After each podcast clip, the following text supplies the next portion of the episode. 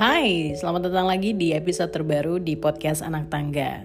Mudah-mudahan ketika kamu ngeklik ini, kamu lagi dalam posisi yang paling nyaman seperti biasa karena bagi saya kayaknya nggak berkesan ya kita cerita bareng di podcast ini tapi kamunya lagi di posisi yang mungkin gak nyaman buat dengerin podcast ini jadi pastikan kamu lagi di posisi yang nyaman ya saya bakal buka podcast ini dengan salah satu pernyataan yang boom banget di kepala saya yang disampaikan sama Warren Buffett tentang episode kali ini.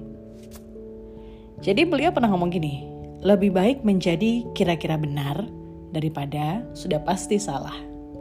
Hmm, susah ya, karena kita itu terbiasa terlatih untuk betul-betul hati-hati mengambil keputusan supaya nggak salah gitu.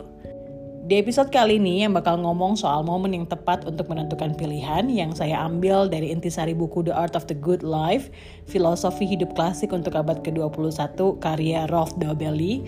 Saya malam hari ketika ngetik podcast ini, saya ngerasa sangat-sangat-sangat tersentak sama pernyataan tadi yang saya baca di awal. Saya sangat sadar bahwa menyuruh orang lain untuk mengambil keputusan itu lebih mudah daripada melakukannya sendiri, ya enggak?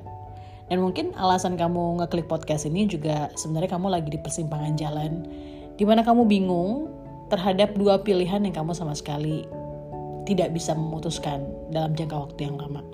Entah kamu bingung karena kamu masih memilih untuk menjadi seorang guru atau mungkin pengacara, atau mungkin hari ini kamu lagi galau memilih apakah kamu akan menelusuri karir sebagai pekerja kantoran atau mengikuti panggilan jiwa kamu menjadi aktivis dengan sekian banyak masalah yang pengen kamu selesaikan di dunia ini. Atau kamu lagi bingung nih memilih si A atau si B yang kira-kira cocok jadi pasangan kamu di masa depan. Tapi anehnya baru aja nih, kemarin saya nonton salah satu tayangan dari TEDx tentang How to Make Hard Choices dari Ru Chang, seorang American philosopher di sana beliau sempat ngucapin satu kalimat yang relate sekali dengan apa yang saya baca. Padahal video tiga tahun yang lalu ya teman-teman ya. Tapi ada salah satu intisari dari omongan beliau yang cocok banget di episode kali ini juga dan yang nyambung banget sama apa yang saya akan jelaskan. Bahwa hard choices are hard because they are no best option. Jadi sebenarnya pilihan-pilihan sulit tadi yang kita harusnya bisa tentukan dengan cepat dan tepat gitu ya. Kadangkala susah banget diambil keputusannya karena memang di antara pilihan-pilihan itu tidak ada yang baik atau terbaik gitu.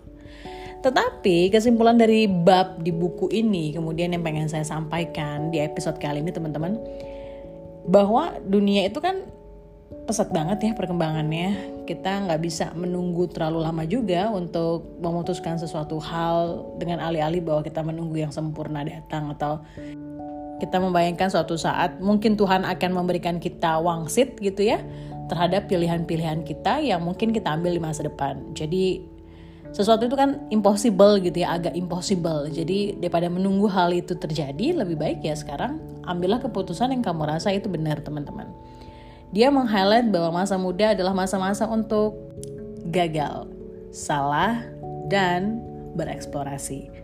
Jadi ya ambil aja sebanyak-banyaknya kemungkinan kalau masih bisa mencoba ya ini mirip juga sama apa yang disampaikan sama Alexandro Ruby di bukunya You Do You tentang bahwa di masa muda ya makin banyak gagal makin bagus sih karena nanti ketika tuanya kita jadi tahu apa yang kita suka apa yang menjadi skill dan passion kita atau tentang siapa yang betul-betul kita cintai atau hanya sekedar suka saja.